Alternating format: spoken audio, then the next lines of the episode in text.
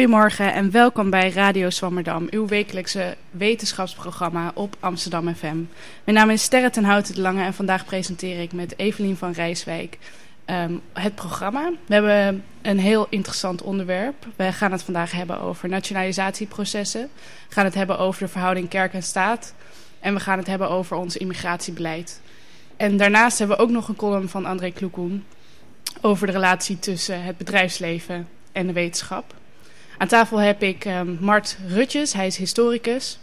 En met hem gaan we het dus hebben over de scheiding van kerk en staat sinds de jaren 60 en hoe dat in de debatten naar voren komt.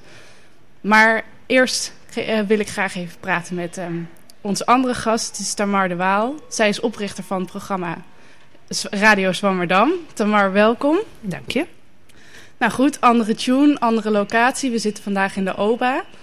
Hoe, uh, hoe vind je het om je programma zo weer terug te zien? Nou, het heet eigenlijk wel iets surreëels. Dat ik uh, iets dat mij zo dierbaar is geweest... ineens door andere mensen met andere muziek op een andere plek te zien uh, worden gepresenteerd. Dus het is heel leuk. de eerste uitzending was op 2 mei 2010. Dus dat betekent dat het programma het al bijna vijf jaar heeft overleefd. En dat was ook met de columnist van vandaag, André Kloekoen... die ook al columnist is van het eerste uur maar in de eerste uitzending hadden we bedacht dat we de columnisten zouden interviewen ter introductie. Dus uh, André was ook uh, degene die we als eerste interviewde. En uh, ik deed het toen samen met Alexander Bakkes. dus we hebben met z'n tweeën opgericht. later is het veel professioneler geworden met meerdere presentatoren en roulatiesystemen. Dat hebben jullie nu nog steeds, denk ik. Ja, maar toen klopt. deden we het eigenlijk elke week samen. Pittig. En het was, ja, het was een beetje houtje touwtje. En we gingen gewoon steeds kijken wat we er weer extra's konden doen. Ja, want wat was, wat was de originele idee achter, achter het programma? Nou, ik uh, had toen een tijdje nieuws gelezen bij uh, Amsterdam FM. En toen uh, had ik met de hoofdredacteur afgesproken dat ik een programma mocht starten op zondagochtend. En hij zei toen, we missen eigenlijk een goed wetenschapsprogramma bij Amsterdam FM. Dus we zouden vier promovendi per uitzending interviewen over hun onderzoek. Dat was eigenlijk het initiële plan. Wow. Maar dat was eigenlijk al heel snel, uh, ook na overleg met wat mensen die er wat vanaf wisten, dat vier gasten per uitzending eigenlijk veel te veel is. Mm -hmm. Dus toen hebben we er eigenlijk gewoon wetenschappelijke medewerkers van Amsterdamse Universiteit van gemaakt. En uh, uh, Alexander was een hele grote fan van André. Dus ik weet eigenlijk niet precies waar jullie elkaar van kenden. Maar de naam André Kloekoen werd al meteen geroepen van die moet erbij, die moet erbij, die moet erbij. Dus toen hadden we ook columnisten bedacht. En ja, toen kwam van het een en ander en toen uh, konden we beginnen. En we zaten toen aan het Rokin. Jullie zitten nu prachtig aan de OBA met uitzicht op, de, op het uh, Nemo. Maar wij hadden uitzicht op uh, de CNA, geloof ik. ja. ja, kun je um, de, de oude studio naar ons omschrijven? Want ja, ik heb hem nog nooit gezien. Ik heb er mooie verhalen over gehoord, dat wel. Ja, het was eigenlijk een redelijk uitgewoond pand aan het Rokin. Of is het daar Damrak? En, ja, Damrak, ja. Ja, het is uit Damrak. En uh, nou, bruine vloerbedekkingen, heel veel stof. Uh, rode, uh, hele rode studio in mijn herinnering. En ja, daartussen kon je dan een beetje je eigen radiootje maken, zonder dat er echt iemand meekeek. Dus dat was eigenlijk wel heel leuk. En, en heb je papiertjes nergens aankomen, geen dingen uitzetten, losse snoeren, stekers, ja. stekerdoos. En opruimen als je weggaat, maar ja. wat de status van opgeruimd precies was, was onduidelijk. Lege koffiebekertjes, nou dat soort dingen. Ja, Leuk, leuk. En hoe vind je het om het dan nu hier weer terug te zien? Nou, ik vind het heel leuk eigenlijk dat uh, toch wel een instituut is geworden. Dat gewoon uh, is blijven bestaan. Dat is natuurlijk afwachten. Zelf, ik, ik ben na een tijdje naar het buitenland geweest. Toen ben ik weer teruggekomen. Heb ik het nog even gepresenteerd. Maar later ben ik het eigenlijk helemaal uit het oog verloren. Toen zag ik ook nog wel eens wat op Facebook voorbij komen. En begin dit jaar zag ik even niks meer voorbij komen. En toen stak dat even. Toen dacht ik, oh, het is gebeurd. De geest is uit de fles. Maar uh, als een phoenix is het toch weer opnieuw herrezen. Ja, nou dat kan ik zeker, zeker beamen. Ik ben heel blij met de mensen die ik gevonden heb uh, die meedoen met het programma. Ja, want hoe werd het aan jullie over? Uh, hoe, hoe, hoe kwam jij ermee in aanraking? Uh, ik kende Lisa Rubenstein. Zij deed het programma voor denk ik 2,5 jaar. En ik heb het een half jaar met haar samen gedaan. Zij zat bij mij op de studie. En ik kende haar, ik heb haar eigenlijk ontmoet op de parade. Maar we zaten bij elkaar op de studie, dus uh, we hebben samen een aantal keer gepresenteerd. En toen is zij ermee gestopt. Toen heb ik een aantal keer in mijn eentje, samen met de andere presentatoren. Nou, en het team van vorig jaar uh, had het gewoon heel druk. Die waren ook allemaal geen student meer. Dus die hadden allemaal ja, echt werkwerk ernaast. En als je dit dan vrijwillig in je, je vrije tijd doet. Ze waren allemaal niet zo heel tevreden over dat ze, dat ze er weinig tijd voor hadden. En als student heb je er toch wat meer tijd voor. Dus ik heb nu een hele stapel studenten gevonden die, uh, die wel door wilden. Ik, ik dacht, ja, nee, het programma is gewoon te mooi om te blijven, om, ja. om eruit te gooien. Of om, om, om zo'n lang, hoe heet dat, zo'n eenzame dood te sterven. Dus, uh. ja, ik vind het ook heel leuk dat het eigenlijk nog steeds Zwammerdam heet. Ja. Dat hebben wij natuurlijk ook bedacht. Hadden na een tijdje zoiets van, ja, we moeten een naam bedenken. Toen Hm. gingen we ook mailen en toen gingen we allerlei namen brainstormen. Ik weet ook nog dat Alexander na een tijdje kwam met zondagochtend hersengymnastiek. Oh nee! Toen dacht ik ook van, oké, deze brainstorm heeft iets te lang geduurd. We gaan morgen wel weer verder. Maar toen na een tijdje, toen uh, zei Johanneke van Marle, dat uh, moet ik ook nog even haar eer doen. Zij was toen de reportagemaakster. Dus die hadden we ook, die stuurde iedere week 10 minuten reportage in. Uh, en die zei toen na een tijdje van, ik fietste net door de Zwammerdamstraat.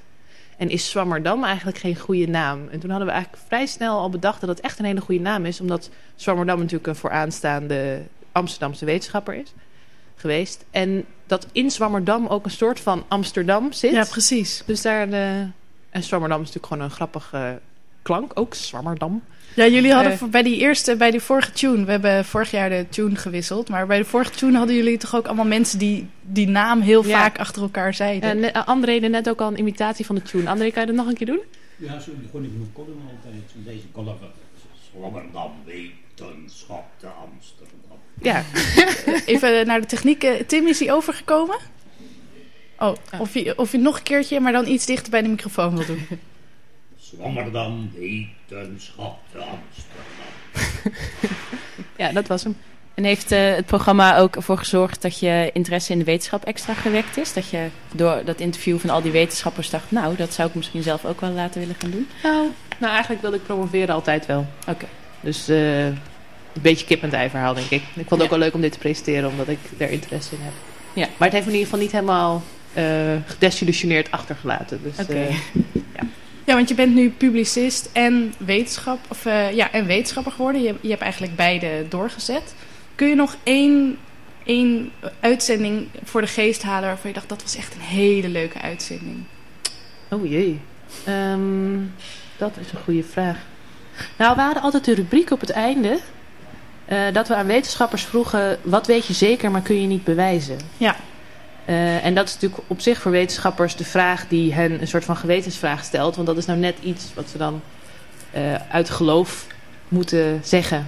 Ja. En ik moet zeggen dat wat me nu zo te binnen schiet, is dat André daarop antwoordde dat Egyptenaren niet alleen 2D afgebeeld staan, altijd, op tombes, namelijk als ze zo staan te dansen. Maar dat André ook denkt dat ze 2D zagen. Dus het feit dat wij nu 3D zien, dat is iets van de moderne mens. Egyptenaren zagen ook 2D. Dus de afbeeldingen die zo plat zijn op de tombes van Egyptenaren... dat is niet alleen maar omdat ze niet goed konden tekenen... maar dat is daadwerkelijk hoe zij zagen. Ja, ze konden heel goed tekenen wat ze zelf zagen. Uiteraard, waarom zouden ze raar tekenen? Geen enkele, geen enkele aanleiding voor om dat te denken. Een beetje dom, die Egyptenaren konden niet zo goed tekenen. Ja. Maar wacht even, André, ze hebben ook sphinxen gemaakt en die zijn wel degelijk. Ja, maar dat, daar, hoef je niet, daar hoef je niet 3D voor te kunnen denken of, of, of, of zien. Je kan sphinxen, sphinxen maken door dia's achter elkaar te zetten.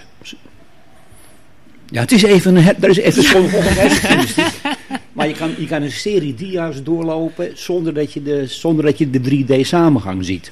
Er zijn mensen die dat hebben als hersenafwijking, ook nu nog, ja. die steken over en die kunnen geen auto's zien aankomen, omdat ze de beweging niet zien. Die zien steeds een ander plaatje en denken dan, oh, nu moet ik oppassen, want het plaatje wordt steeds groter. Maar ze zien dus de 3D niet. Die, die, die heb je dus nog steeds. Beetje een soort van 3D-printers dus. Elke keer laag je erbij. Ja, iedere, ja, iedere, ja dia's tegen elkaar aanzetten en dan krijg je er zelf. Dus, de, dus uh, uh, die piramides en die sphinxen, die konden ze ook bouwen zonder 3D-inzicht. Nou, dat is toch iets dat je bijblijft, ja, toch? dat kan ik me voorstellen, ja. Nou, nu we, nu we weten hoe uh, Zwammerdam uh, ja, begonnen is, in 2010 dus, in mei 2010. Nou, ik stel voor dat we uh, deze mei een flink jubileumfeest ja, zullen vieren. Um, nou, is het, is het eigenlijk tijd om nog meer terug in de geschiedenis te gaan. Um, en Mart Rutjes te interviewen over zijn onderzoek. Uh, Martje doet op het moment onderzoek naar uh, de verhouding tussen, kerk, of, uh, tussen de staat en religieuze gemeenschappen sinds de jaren 60. Ja, dat klopt. En, maar we wilden eigenlijk eerst even teruggaan naar je promotieonderzoek naar de Bataafse Republiek. Um, omdat we benieuwd waren um, hoe kun je uitleggen wat de, Bataafse Republiek was? Ik, nou, we hadden, in het voorgesprek hadden we het erover. Uh, dat ik dacht, oh ja, Bataafse Republiek, iets met begin van Nederland. Nou, het begin van Nederland in de zin dat Nederland in, ten tijde van de Bataafse Republiek, en dan spreken we over de periode van 1795 tot uh, 1806, uh, voor het eerst een uh, eenheidsstaat werd en dat ook sinds die tijd is gebleven.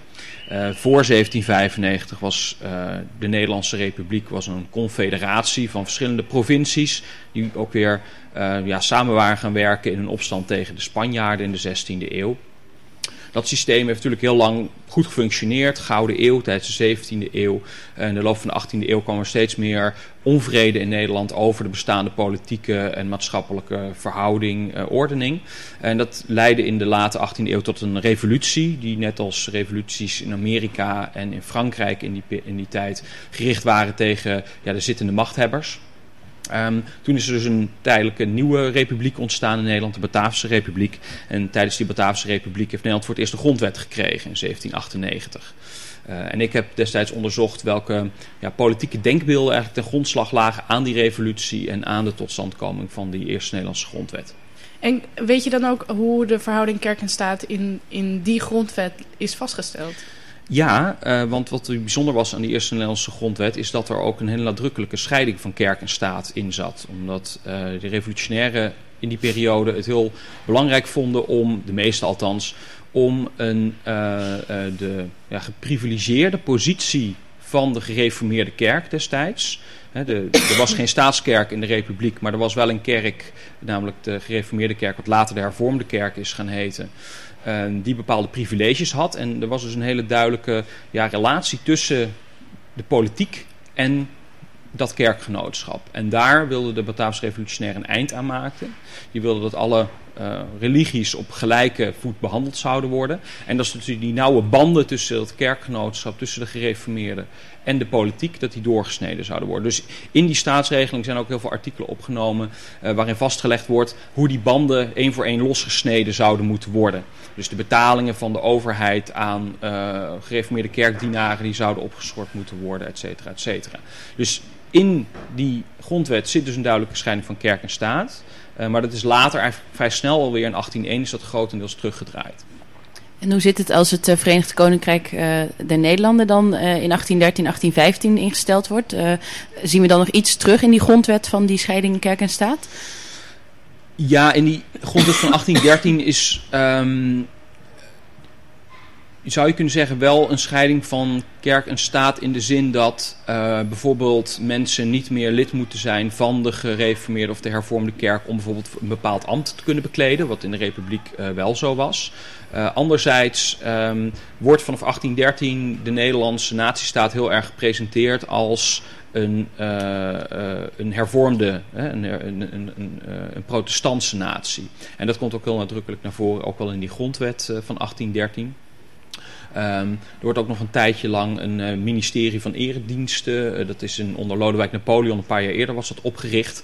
Uh, en varianten daarvan zijn eigenlijk heel lang tot de late 19e eeuw blijven bestaan. Dus de overheid had ook een bepaald ministerie of een staatssecretariaat dat zich heel erg nadrukkelijk met religieuze zaken bezighield. Dus ja, dat... dat verhoudt zich natuurlijk niet zo tot de verscheiding van kerk en staat. Dus in de 19e eeuw wordt Nederland vooral echt als een soort protestantse natie gepresenteerd. En zijn die banden tussen het protestantisme en uh, de overheid nog redelijk nauw. Tot 1848 ongeveer, want Thorbecke die, uh, die begint weer die, uh, die scheiding van kerk en staat verder ja, af, te, af te breken. Of verder te versterken. Ik realiseer me opeens dat in diezelfde tijd gebeurt het natuurlijk in Duitsland en in Italië ook. Hè? Dus de, de Duitse eenheid, Italia Italiaanse eenheid, al die staten ja. met elkaar samen één natie gaan vormen. Ja, hè? Nou, de 19e eeuw is ja. de eeuw van de natiestaat. En dat gaat in de meeste landen ook wel echt samen met het betrekken van uh, godsdienst en daar nog bij, hè, bij dat project van de natiestaat. Het is niet overal zo. Hè. In, in Frankrijk is na de Franse revolutie van 1789 is wel vrij sterk die scheiding van kerk en staat doorgevoerd. En dat is wat in Frankrijk altijd meer gebleven, wat sterker een onderdeel geworden ook van de nationale identiteit. Hè. Dat, dat er iets is als laïcité, dus een hele strikte scheiding van kerk en staat, waarbij religie eigenlijk ook zoveel mogelijk uit het publieke domein ja, gehouden moet worden. Ehm, dus daar zie je het wat sterker terug. Maar in heel veel landen zijn ja, religie en natievorming ook heel erg samen opgegaan in de 19e eeuw. Dat heeft natuurlijk ook met de romantiek te maken, neem ik aan. Als, als culturele stroming. De bloedontboden idee van dat we allemaal bij elkaar in dezelfde cultuur zitten. En... Ja, ja in, die zin, in die zin wel. Hè. De cultuurnationalisme, eh, daar, is, daar, daar past het idee van een, een bepaalde religie of een religieuze aard... Ja, die precies. bepaalde inwoners van een land zouden bezitten. eh, En ook de kunstenaar in plaats van God. Hè? Dus de, de, de religie gaat een, eh, gaat een minder belangrijke rol spelen. Of ga ik nu een beetje, zit ik nu een beetje door te draven? Nou ja, wat vaak wel gezegd wordt van de periode eh, vanaf late 18e eeuw, eh, is dat het een periode is van toenemende secularisatie. Dus het idee dat religie een steeds minder dominante rol gaat spelen in de samenleving. Ehm, en dat is een proces dat al veel langer in gang is gezet, maar dat eigenlijk ehm, pas na de Tweede Wereldoorlog nog veel sterker eh, een, een groei doormaakt. Of waarvan gezegd wordt van nou, ja, secularisatie in westerse landen, dat maakt een soort groeispurt door na de Tweede Wereldoorlog. Ehm, en dat is dus ook de reden dat wij nu dat huidige onderzoek hebben naar eh kerk-staatverhoudingen vanaf de jaren 60. Omdat de jaren 60 nou juist worden gezien als de periode waarin in Nederland opeens de secularisatie zich heel sterk doet gelden. En waarbij de kerken, met name de katholieke kerk, enorm leeg gaan lopen. En wat betekent dat nou voor de, ja, de institutionele, ehm, maar ook eh, meer de culturele en maatschappelijke eh, positie die religieuze organisaties toch eeuwenlang hebben gehad. Ja, ja, ja. Ondanks de politieke veranderingen en pogingen om kerk en staat van elkaar te scheiden, toch altijd heel sterk aanwezig geweest in Nederland. Ook in het, eh, in het maatschappelijk middenveld. Hè. Denk aan allerlei eh, uit de armenzorg, onderwijs. Eeuwenlang altijd door de kerk georganiseerd. Eh, maar wat gebeurt er dan als die kerken veel minder eh, aanhang hebben? Ja, ja, ja. Ja, want waar eh, kijk je in je eigen onderzoek op dit moment dan naar? Je kijkt naar deze, deze omslag vanaf de jaren 60, seculari, eh, secularisatie, ontkerkelijking waarschijnlijk ook. Ja, ontkerkeling als onderdeel van de Ja, secularisatie. precies. En, dat is één maar ook ehm, de ontzuiling eh, he- heeft sinds die tijd plaatsgevonden. Ja. Wat voor een invloed heeft dat gehad op de verhouding kerk-staat? Nou, dat weten we dus niet zo goed eigenlijk. Want we weten, of we menen te weten, dat Nederland vanaf de jaren 60, 70 gaat ontzuilen. In de, waarmee we eigenlijk bedoelen dat eh, die religieuze of levensbeschouwelijke gemeenschappen, die heel erg nauw waren en heel erg, eh, eh, ehm, ja, waarin, waarin mensen zich heel erg als het ware opsloten in die gemeenschappen, dat dat begint te verdwijnen. Ehm, waarbij dus al die organisaties ook een minder ja, belangrijke rol gaan spelen in, in de organisatie van het maatschappelijk leven en in het dagelijks leven van mensen. Ehm, dat Kun je zeggen dat ze wat meer gefragmenteerd worden? Dat het meer gefragmenteerd wordt of dat, het, eh, dat mensen minder vastzitten aan, aan bepaalde organisaties of aan bepaalde instellingen of bepaalde overtuigingen. Maar daar veel meer eh, als individuen hun eigen ja, zoektocht eh, in, in, in doormaken. En dus ook veel makkelijker van het, ja, van het een naar het ander kunnen, kunnen, kunnen gaan. Dus het raakt gefragmenteerder, maar ook dynamischer. En, wat, en wat, eh, hoe verhoudt de staat zich daartoe, of de, of de overheid? Je bekijkt de debatten van, eh, die in de Kamer en in, de, in het publieke domein worden gevoerd. Ja. Wat, wat doen ze met deze fragmentering? Nou, dat is voor de overheid lastig, omdat de overheid natuurlijk eh, uit zijn aard of uit haar aard eh, eh, gebaat is bij een soort vaste gesprekspartners. Als de overheid iets moet organiseren of iets moet regelen, is het natuurlijk heel handig als daar ja, duidelijke, duidelijke groepen met vertegenwoordigers, belangenbehartigers zijn, waar zij mee kunnen praten en waar ze. ehm, mee kunnen overleggen. Ja, en wat doe je dan als dat, als dat niet zo is? Ja, je kunt zeggen, nou, we houden toch vast aan die organisaties die er nog zijn, als, er ergens, als we ergens beleid voor willen maken. Of je zegt, nou ja, goed, dat, eh, dat, dat, dat is niet meer van deze tijd. En eh, we, eh, we gaan er gewoon uit van wat, van wat individuen willen. Of we laten individuen dat zelf regelen in de samenleving. En de overheid bemoeit zich gewoon niet met, met, met zaken die ja, voorheen nog in samenspraak of in samenhang met maatschappelijke organisaties werden georganiseerd. Dus meer het liberale standpunt zou je kunnen zeggen. Ja, dus er is meer een nadruk op, eh, op het individu. Eh, ik begreep ook dat er een, een grotere nadruk is op, eh, op artikel 1. eh, de, ehm, wat is het ook weer, Evelien? Gelijkheid, Gelijkheidsprincipe. non-discriminatie. Ja, non-discriminatie. Eh, zie ik dat goed? Ja, er wordt eh, wel gezegd. En ik denk dat dat ook wel zo is. Hoewel ik eh, nog benieuwd- Ons onderzoek is nu net een klein jaar bezig. Dus we hebben nog gewoon nog niet, ook niet alle antwoorden hierop. Eh, maar er wordt vaak gezegd, nou ja, vanaf de jaren 60. Maar dat zie je in politieke debatten, denk ik, eigenlijk vooral pas terug eind jaren 70, begin jaren 80, als ook de discussies over de grondwetswijziging van 1983 plaatsvinden. Ehm, dat het hele idee van individuele mensenrechten, dat komt dan heel sterk opzetten. En ehm, nou ja, dan, dan vinden er ook steeds meer spanning, vaker is er dan sprake van spanning tussen ja, het recht van individu, eh, maar ook aan de andere kant groepsrechten. En dan komt eh, de rol van religie natuurlijk om de hoek kijken, omdat ja, religie is nou eenmaal iets wat, wat door gemeenschappen over het algemeen ehm, hè, wordt, eh, eh, wordt beleden. Ehm, en wat is dan belangrijker? Is dan het, in, het recht van het individu belangrijker of het recht van de groep om zich te organiseren zoals die groep dat zelf wil? Ja. Nou, dat zie je natuurlijk heel duidelijk terug in allerlei recente debatten over eh, eh, hoofddoekjesdebat, eh, over homoseksuele leraren op school. Daar spelen natuurlijk die spanning tussen artikel 1, het non-discriminatiebeginsel, en artikel 6, eh, godsdienstvrijheid, speelt daar een hele belangrijke rol. En die spanning is wel, denk ik, toegenomen in de afgelopen 20, 30 jaar. Ja, dus de overheid, of de overheid, ik mocht van eh, Evelien niet de overheid zeggen, omdat het een heel wisselende groep mensen is. Maar eh, in de politieke debatten zijn er steeds, ja, steeds heftigere discussies over, eh, over de beleiding van godsdienstvrijheid en waar dat wel mag en waar dat niet mag. Er lijkt een soort van wantrouwen te ontstaan tussen de, ja, tussen de overheid en, en de religieuze gemeenschappen. Dat we het niet meer zomaar aan de religieuze gemeenschap over kunnen laten. Hoe komt dat, denk je? Of, of zie je dat helemaal niet zo? Nou, ik, ik denk dat dat wel geldt, maar dan met name voor eh, eh, nieuwe religieuze gemeenschappen die vanaf de jaren 60, 70 eh, op zijn gekomen. Eh, dan denken we natuurlijk in eerste in plaats aan, aan de islam, maar ik denk dat dat ook wel geldt voor eh, andere eh, nieuwe, nieuwe geloven die, die in de jaren 60, eh, 70 zijn opgekomen. Ehm, dat de overheid of de staat niet zo goed weet eh, ehm, eh, wat hij daarmee aan moest met die, met die nieuwe groeperingen.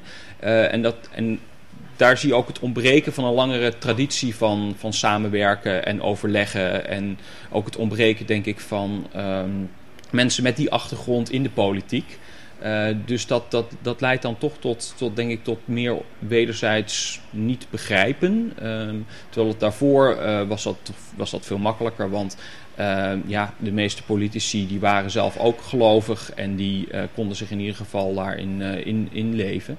Eh, dus dat betekent niet dat er toen geen discussies waren, want toen uh, ja, vochten natuurlijk die verschillende denominaties elkaar de tent uit. Hè. Dus dan was het katholiek tegenover uh, gereformeerd, tegenover hervormd. Dus dat leidde ook tot spanningen, maar een ander soort spanning. Dus meer een soort uh, interconfessionele spanning. Terwijl het nu veel meer een spanning lijkt te zijn tussen, ja, een soort, tussen seculier en gelovig aan de andere kant.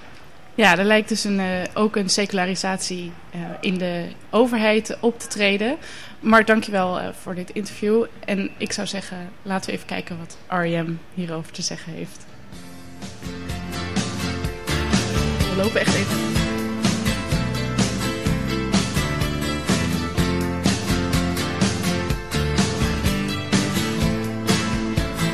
Oh, life is bigger.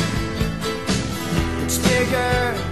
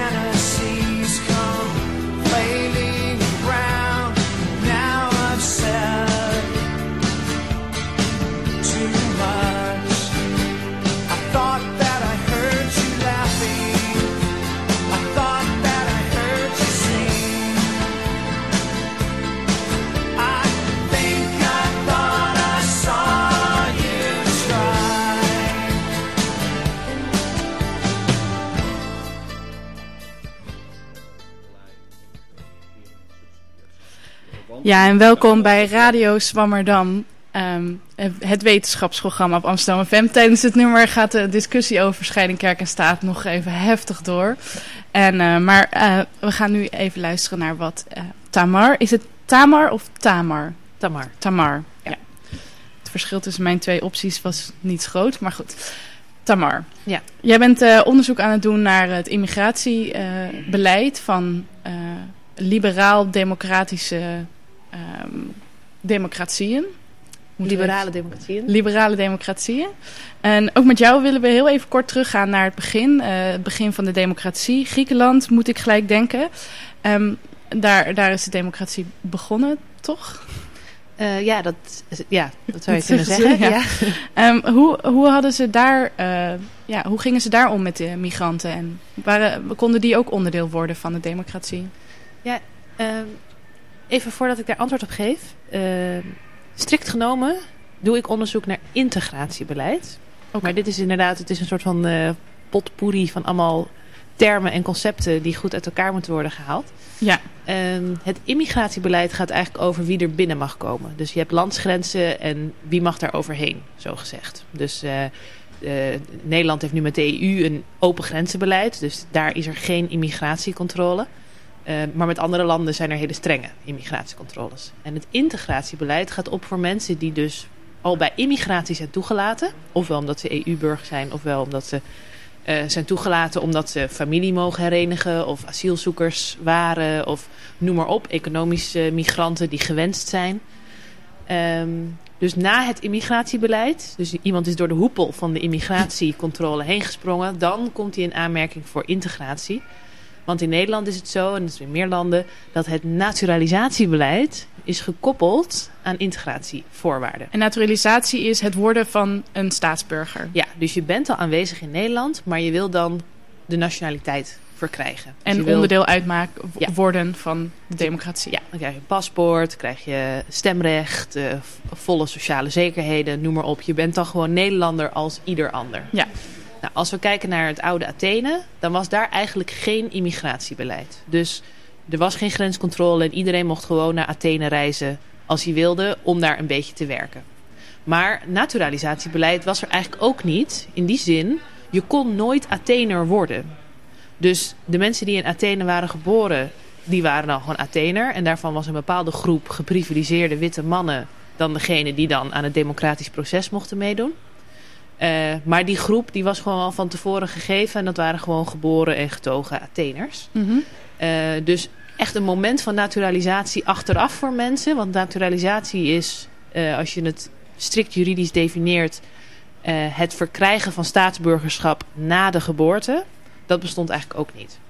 Dus je had in Athene, was een, natuurlijk een bruisende en een grote stad... waar inderdaad de eerste vorm van democratie is ontstaan. Maar dat was wel voorbehouden aan een klein groepje Atheners die al vaststond.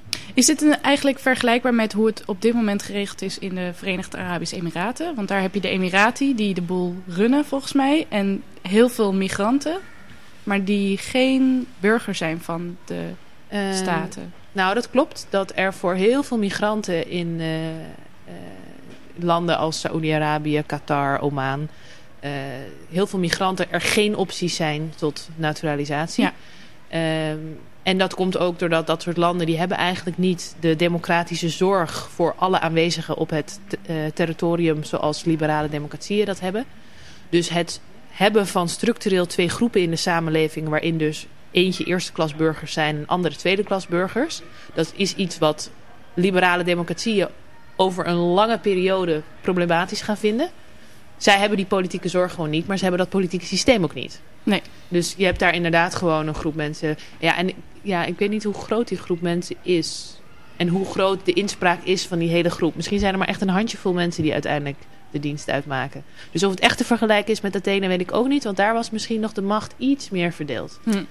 Deze kwestie is ook eigenlijk nu problematisch geworden, denk ik, omdat er, je hebt democratieën en je hebt welvaartsstaten, dus er valt wat te winnen bij volledig burgerschap. Eh, welvaartsstaten bedoel je dat je ook de Ja, bijvoorbeeld dat je uitkeringen... Ja, precies. Ja, dat is natuurlijk altijd de spanning voor de liberale democratie eh, in, het huidige, eh, in de huidige wereld. Want op dit moment is het zo dat als je in een welvarende democratie leeft, heb je eigenlijk alles. Ik bedoel, als je ooit denkt dat je pech in je leven hebt, denk even na over welk paspoort je hebt. En je snapt dat de grote loterij die op deze aardbol plaatsvindt, die heb je al gewonnen als je hier woont en een paspoort hebt. Ehm, want er is dus een heel groot onderscheid tussen echt erbuiten staan. eh, en als je eenmaal binnen bent met een paspoort, dan heb je ook meteen alles wat deze wereld zo'n beetje te bieden heeft. Dus aan de ene kant is het natuurlijk een heel makkelijk om te zeggen van eh, ja, iedereen moet altijd maar binnen, want eh, we moeten natuurlijk iedereen gelijke kansen bieden en zo. En tegelijkertijd zijn natuurlijk ook weer, ja, we kunnen niet die welvaartsstaat in één keer opengooien voor iedereen. Alhoewel er wel politiek filosofen, want dat is natuurlijk mijn achtergrond uiteindelijk, politiek filosofen zijn die pleiten naar dat we vanuit rechtvaardigheidsperspectief uiteindelijk moeten streven naar een wereld met open grenzen. Dat betekent niet dat we morgen meteen alle grenzen moeten openzetten. Maar dat we wel vanaf nu eigenlijk alle politieke moeite die we doen... moeten inzetten om toch zoveel mogelijk die grenzen open te houden. En behalve de EU, ehm, of de, de inwoners uit de EU, die ik begreep uit je vorige uitleg dat die zomaar in de hele EU mogen gaan wonen en dan ook het paspoort eh, van dat land kunnen krijgen. Nee, ja, dat kunnen ze wel krijgen op termijn, ja. Maar dat eh, mo- moeten ze zelf aanvragen. En ze moeten een aantal jaar ergens wonen. Er zijn namelijk een bepaald soort eh, aantal jaar per land is er voorgeschreven... dat je er moet hebben geleefd Hm. voordat je een aanvraag mag doen tot eh, naturalisatie. Een soort van worteljaren Ja, waar en dan... je eh, wortel mag schieten. Ja, dus je kan, eh, ik bedoel, je hebt verschillende landen. In Nederland is dat nu van vijf jaar naar zeven jaar opgeschoven. Eh, maar bijvoorbeeld voor landen in Canada, wat dan klassiek immigratielanden zijn, is dat drie jaar. Hm. Je moet meestal een aantal jaar ergens hebben gewoond en dan ga je het integratieproces in. Ja. En eh, in Nederland heet het dan inburgering vaak. En dan moet je een aantal testen maken. En die testen tonen dan aan dat jij bent geïntegreerd. Ja. En dan mag je Nederlander worden. En behalve de mensen uit de EU, eh, welke mensen zijn eh, in Nederland vallen nu onder legale eh, immigranten? Nou, je hebt familiehereniging. Dus dat is artikel 8 eigenlijk van het EVRM. Dus dat zijn Wat is het EVRM? het eh, Europees Verdrag van de Rechten van de Mens. Mhm. En dat is een recht op privacy en familieleven. Eh, dus dat betekent dat als je hier woont en jouw vrouw of je kinderen wonen ergens buiten de EU, dan mag je ze hierheen halen. En dat mag de eh, mogen liberale democratieën die zich hebben aangesloten bij het eh, EHRM, dus dat is het Hof van de Mhm. Rechten van de Mens, die mogen dat eigenlijk niet weigeren. Dus dat doet Nederland dan in wezen ook niet. Eh, In wezen? nou, er zijn nu allerlei. Je hebt nu bijvoorbeeld in Nederland een inburgeringsexamen in het buitenland. Dus dat betekent dat mensen dus niet alleen maar examens moeten maken als ze al in Nederland zijn. Maar je moet nu ook in, het, in de ambassade van het land zelf al een ehm, examen maken om te mogen immigreren. Dus dat betekent dat als je bijvoorbeeld in Afghanistan woont en je bent getrouwd met iemand die in Nederland is, dan moet je daar al een test maken dat je iets weet over de Nederlandse maatschappij en een beetje Nederlands kan. Maar in Afghanistan is op dit moment geen Nederlandse ambassade. Eh, dus dan moet je naar Pakistan reizen. Eh, want dat is de dichtstbijzijnde ambassade. Eh, maar naar Pakistan reizen is daar best wel gevaarlijk en ook best wel duur. En het inburgeringsexamen in het buitenland kost ook geld. En dan moet je dus ook een beetje Nederlands hebben geleerd. Dus je moet ook ergens in Pakistan of Afghanistan Nederlands les hebben gekregen. Dus er zijn nu zaken die lopen bij het Europees Hof van de Rechten van de Mens. Die zeggen van deze wetgeving maakt het eigenlijk onmogelijk om familiehereniging mogelijk te maken. Ja. En ja, dat wordt gewoon sowieso, dat gaan ze winnen. En Nederland moet dat waarschijnlijk terugdraaien. Dus mijn voorspelling is, het is in 2006 ingevoerd in Nederland. Ik zeg binnen vijf jaar is dat inburgeringsexamen buitenland er weer uit, omdat het indirect discriminatoire is. Ja. Ehm, dus strikt genomen op papier zegt Nederland familiehereniging eh, toe te staan. Maar met dit soort eh, maatregelen, bijvoorbeeld het inburgeringsexamen buitenland, zijn er heel specifieke landen, namelijk alleen niet-westerse landen, is dit inburgeringsexamen buitenland ingevoerd. Dan zie je dat er toch wel wordt geprobeerd om dat soort migratiestromen te stoppen. Dus dat is er eentje, familiehereniging. Ja. Tweede is politiek asiel. Mhm. Dus eh, dat eh, is een, eh, ja, een, een belangrijk criterium vastgelegd na de Tweede Wereldoorlog in het vluchtelingenverdrag van de Verenigde Naties. Dat op het moment dat iemand kan aantonen dat hij gevaar loopt in zijn eigen land, dan moet hij onderdak krijgen. En dan heb je nog economische migranten, maar dat is eigenlijk een beetje eh, eh, onderhevig aan wat de politiek gewoon wil. Dus daar heeft de eh, Nederlandse politiek gewoon een eigen keuzevrijheid in. Dat op het moment dat zij denken dat de economie een bepaalde vorm van migratie nodig heeft, economische migratie, dan kunnen ze die gewoon aantrekken. En jij kijkt dus naar de regelgeving en in hoeverre dat nog overeenkomt met de regels, ja, de basisregels van de huidige van, van de liberale democratieën. Ja. En eh, er stond ook in je eh, in een artikel dat ik van je had gelezen dat je kijkt naar de morele verantwoording van dit eh, debat. Wat, wat bedoel je daar eigenlijk mee? Nou, in de politieke filosofie zijn migratiestukken, migratievraagstukken eigenlijk pas sinds 30 jaar onderwerp van debat. En dat komt eigenlijk omdat rechtvaardigheidstheorieën sinds Thomas Hobbes en John Locke eigenlijk altijd uitgingen van gesloten natiestaten, waarin toevallig ineens een bepaalde demos, en dat zijn dan de mensen die bij een bepaalde democratie horen, al vast stond.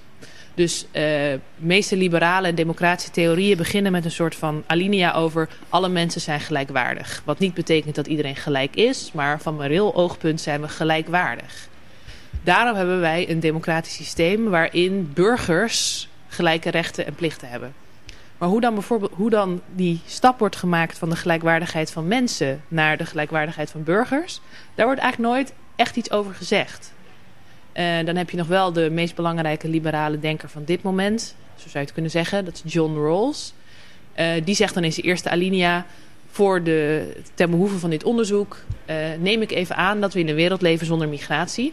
Want dat is een detail van de, van de realiteit... waar ik even geen aandacht aan kan besteden... omdat ik nou eenmaal bepaalde dingen moet wegvlakken om iets te kunnen zeggen. Ja. Wat wetenschappelijk een legitiem uh, argument is. Hoor. Je kan zeggen, ik kan niet alles doen, dus vanaf nu doe ik even alsof er geen migratie Natuurkundigen die berekenen ook alles in een vacuüm. Ja, precies. Maar als je dan toch denkt dat er 180 miljoen uh, migranten zijn in de huidige wereld... en dat we gewoon, als je hier op straat loopt, ziet dat migratie iets is dat onze werkelijkheid kleurt... Mhm. dan is er toch iets waar je over na moet denken. Dus dan krijg je een situatie waarin je dus in Nederland een democratie hebt... en dat er mensen op je territorium zijn die eigenlijk niet de volledige rechten hebben. Nou ja, dat is een soort van ongelijkheid die misschien gerechtvaardigd kan worden. Want het idee van een democratie is toch... je moet gelijke gevallen gelijk behandelen. Dus misschien zijn er ongelijke gevallen met migranten... waarbij ongelijke behandeling soms wel te rechtvaardigen valt. Mm -hmm. Maar ik ga een beetje nadenken over wanneer de grenzen nou optreden... waarin de gelijke gevallen eigenlijk niet meer ongelijk behandeld mogen worden. Dus ik ga nadenken over hoe lang kan je nou eigenlijk een migrant weigeren om ongelijk uh, behandeld te blijven worden. Ja. Dus dat zijn een beetje de morele vragen die ik probeer te beantwoorden. En dat gaat dus inderdaad uit van oké, okay, we leven in een systeem met landsgrenzen. Daarin zijn mensen die zich daar overheen bewegen met verschillende pakketten aan rechten. Hoe lang kunnen we die verschillende pakketten van rechten nou precies rechtvaardigen? Dat is de morele vraag. Interessant en lijkt me ook heel ingewikkeld. Um, we hebben in ieder geval een muziekje over hoe het voelt om een alien te zijn oh. in, een, uh, in een, een, bepaalde maatschappij. We gaan luisteren naar Englishman in New York van de police.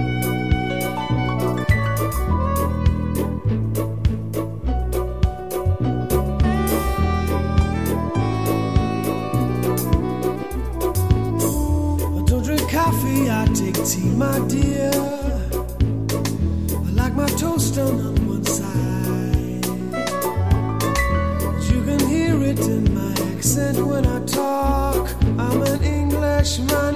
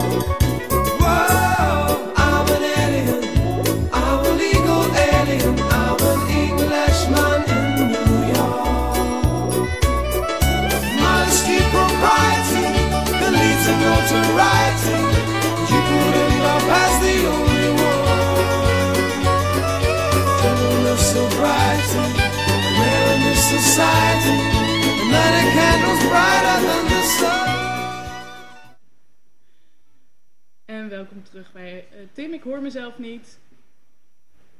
Nu wel? Ja. En welkom terug bij Radio Zwammerdam. We gaan luisteren naar de column van André Kloekoen. Je hebt, eh, je hebt iets op je, op je nou, hoe heet Leven. het nou? Op je leven, op je kerststok. Je, je wil iets kwijt. André, Ja. Eh, in januari 1993, nu bijna 22 jaar geleden, besloten de toen beroemde psycholoog Piet Vroon en ik, uit protest tegen het overheidsbeleid ten aanzien van de universiteit, dat een steeds grotere en allengs funeste bemoeienis van het bedrijfsleven inhield, onze met jarenlange moeizame studie verworven doktersgraad weer in te leveren.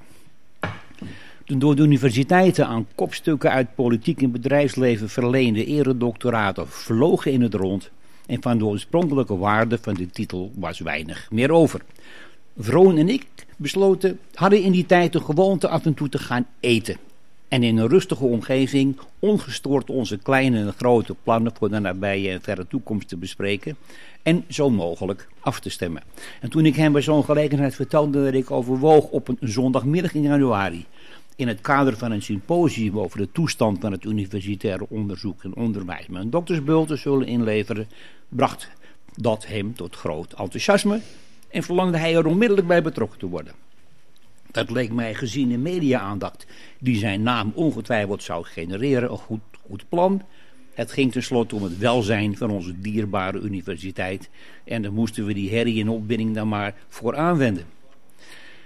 De toevallige kapstok waaraan we tijdens die bijeenkomst het teruggeven van onze academische diploma's ophingen, heette Albert Heijn, een vermogende kruidenier die kort daarvoor ons ter oren was gekomen, in ruil voor een flinke donatie een eredoctoraat in ontvangst had mogen nemen van de bestuurskundige opleiding Nijenrode, die onder de bezielende leiding van Nelly Kroes kort daarvoor weer van de minister om onduidelijke redenen de universitaire status toegewezen had gekregen.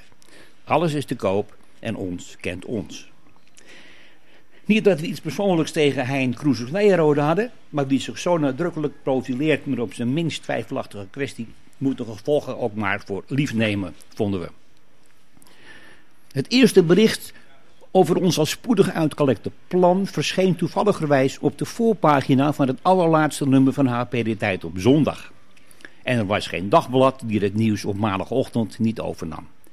Wekenlang waren we druk in de weer om alle verzoeken van radio- en tv-programma's om nadere toelichtingen op onze actie te voldoen. We voelden ons uitgelaten als een stel kwajongens na geslaagde poets en de woedende reacties uit de hoek van Hein, Nijrode en de universiteit verhoogden uiteraard alleen maar de feestvreugde. Om de grap nog even voor te zetten, verzonnen we na het inleveren van onze doktersbul voor onszelf een nieuwe academische titel, doctoraris. Hij die dokter was, afgekort als Dris. In analogie met de titel consularis die een afgetreden consul in het oude Rome tot zijn dood mocht blijven voeren. En om devaluatie van ook deze titel door misbruik te voorkomen, besloten we het maximale aantal doctorarissen statutair vast te leggen op twee. Ondanks alle ophef hadden we niet het idee dat onze actie breed aansloeg. Troon en ik werden weggezet als querulanten.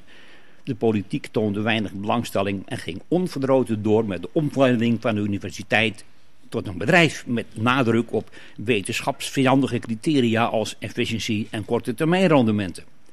Het voor iedereen zichtbare, maar angstvallig verzwegen gevolg was dat zich vanaf de vroege jaren 1960 geen wetenschappelijke doorbraken meer hebben voorgedaan. Grensverleggend onderzoek vergt al gauw 20 jaar speurwerk van vrije geesten, terwijl de financiering door de bedrijfsuniversiteit voor hooguit vier jaar werd gegarandeerd en de onderzoekers vooraf alle mogelijke beperkingen werden opgelegd. Maar nu, meer dan 20 jaar na onze actie, lijkt er een kentering op handen. Aan de Vrije Universiteit zijn er recentelijk acties ontplooid door verontruste wetenschappers. En onder de hoede van de Koninklijke Nederlandse Academie van Wetenschappen is er door vooraanstaande wetenschappers de groep Science in Transition opgericht. Allemaal met de bedoeling het juk dat door de politiek en het bedrijfsleven aan de wetenschap is opgelegd af te werpen. En wie schetst mijn verbazing toen er maandag jongstleden in het bericht, het bericht in de NRC stond dat 69 allen met de Spinoza-premie gehonoreerde topwetenschappers een brandbrief hebben geschreven over de veel te grote invloed van het bedrijfsleven op de wetenschap en de desastreuze ge- gevolgen daarvan. Dr. Aris Vroon is op mijn 14 jaar dood, dus ik zal ik het feestje voor deze wel zeer verlaten erkenning in mijn eentje moeten vieren. Ja, André, fijn dat je nog eventjes dit aanstipt. Het lijkt me heel belangrijk, maar op het voor, in het vorige, voor, nou, voor de uitzending eh, hadden we het er met Tamar en Mart al even over. En jullie onderzoek is helemaal niet beïnvloed. Nou, indirect misschien eh, wel. Maar ik heb nooit met iemand in contact gestaan. Of ik weet eigenlijk niet eens precies waar mijn geld vandaan komt. Behalve van de UvA zelf. En inhoudelijk mag ik mijn onderzoeksvraag helemaal zelf formuleren. Dus ik zou niet weten hoe ik persoonlijk zou zijn beïnvloed. Mart? Nou ja, dus ook inderdaad in indirecte, in indirecte zin eh, wordt, wordt het onderzoek natuurlijk ook wel door het bedrijfsleven beïnvloed. Eh, ik denk dat voor mijn huidige onderzoek veel meer geldt dat wij in contact staan met verschillende maatschappelijke partners die we hebben en we- met wie we ons onderzoek moeten ja, eh, vormgeven. Wat ik op zich wel goed vind hoor, maar goed, dat zijn dan maatschappelijke partners die daar ook een inhoudelijke interesse in hebben en niet een interesse die vooral gericht is op eh, meer geld kunnen verdienen. Dus eh, ik zou er inderdaad ook nog gro- groot probleem mee hebben als het zeg maar direct inhoudelijk door het bedrijfsleven gereguleerd zou worden. Jullie zijn allebei historisch of filosofisch bezig. En jullie weten toch wel dat die faculteiten waarin het onderzoek plaatsvindt al jarenlang onder grote druk staan. Omdat ze gewoon de financiering niet meer krijgen. Ja, dat is nog eerder dat er te weinig geld is dan dat er directe geldschieters zijn. Eh, Wat is het verschil? Dus het het geld gaat dus ergens anders heen dan je het graag zou, eh, zou, zou, zou willen. Ja, nou het verschil is een beetje dat de onderzoeksresultaten die er dan nog zijn, niet worden beïnvloed omdat het wordt gefinancierd door een bepaalde. Dat krijgt u bij bijvoorbeeld eh, empirisch onderzoek, dat deels wordt gefinancierd door een bedrijf dat zelf eh, weer zit te wachten op de resultaten van het onderzoek. Nou, dat soort situaties nee, zie ik aan de rechtenfaculteit Precies, niet. maar het is wel zo dat het geld voor je onderzoek bepaald wordt door waar het andere geld naartoe gaat. En dat de universiteit een beleid Ja. heeft wat steeds meer door het bedrijfsleven wordt bepaald. Van geschiedenis, filosofie, niet interessant, doe het ergens naartoe waar we wat aan hebben, wordt er dan gezegd. Ja, helaas hebben we nog maar tijd voor eh, één eh, gemeenschap of een vraag aan beide wetenschappers. En ja, ik was eigenlijk wel benieuwd naar hoe ehm, eh, verhouding kerk en staat zich in het eh, integratiedebat ehm, naar voren laat komen. Mart, kun je daar misschien wat over zeggen? Eh, dat is een mooie vraag, ook een hele ingewikkelde, denk ik. Ehm, religie speelt natuurlijk een be- belangrijke rol in n- nationalistische vraagstukken. Hè? Dus vraag, Ja. identiteitsvraagstukken. En die hebben natuurlijk ook weer, hangen natuurlijk ook weer samen met integratie, eh, integratiedebatten. Ehm, dat zie je in Nederland, maar in heel veel andere landen ook gebeuren. Ehm, wat ik zelf heel interessant vind in, om te zien eh, in mijn eigen onderzoek, is dat je al, ja, al, al heel lang, maar zeker ook gewoon na de Tweede Wereldoorlog, eh, wel heel sterk ziet dat er een, eh, een scheiding wordt gemaakt tussen bepaalde religies die wel kunnen omgaan met de scheiding van kerk en staat. Dan wordt gezegd, nou ja, het christendom heeft zich al eeuwenlang eh, ontwikkeld als een, eh, als, een, als een religie die, waarin dat op een gegeven moment normaal werd gevonden. Maar er zijn ook religies waarin de scheiding tussen kerk en staat helemaal niet bekend is en die dat niet kunnen. En dan wordt vaak de islam daarbij gehaald. Dus hè, dan wordt hoe gezegd... van- komen ze daarop? Nou, de, deels eh, zijn dat eh, vanuit theologische, theologische argumenten. Dus dan wordt gezegd, nou ja, goed, in de islam kennen we dat niet. En hè, die vindt theocratie veel, eh, daar is theocratie veel gebruikelijker, Hmm. et cetera. Ehm, en, en het christendom kent die traditie wel. Het wordt natuurlijk gewoon gebruikt om te zeggen van, nou ja, goed, dat is hè, een hele andere cultuur. En, en die religie verhoudt zich niet, eigenlijk niet goed tot de soort de afspraken die in Nederland gelden op het gebied van de scheiding tussen kerk en staat. Het is ja, het is grotendeels onzin. Eh, ook als je kijkt hoe moeizaam de verhouding tussen eh, religie en, en staat in Nederland altijd al is geweest.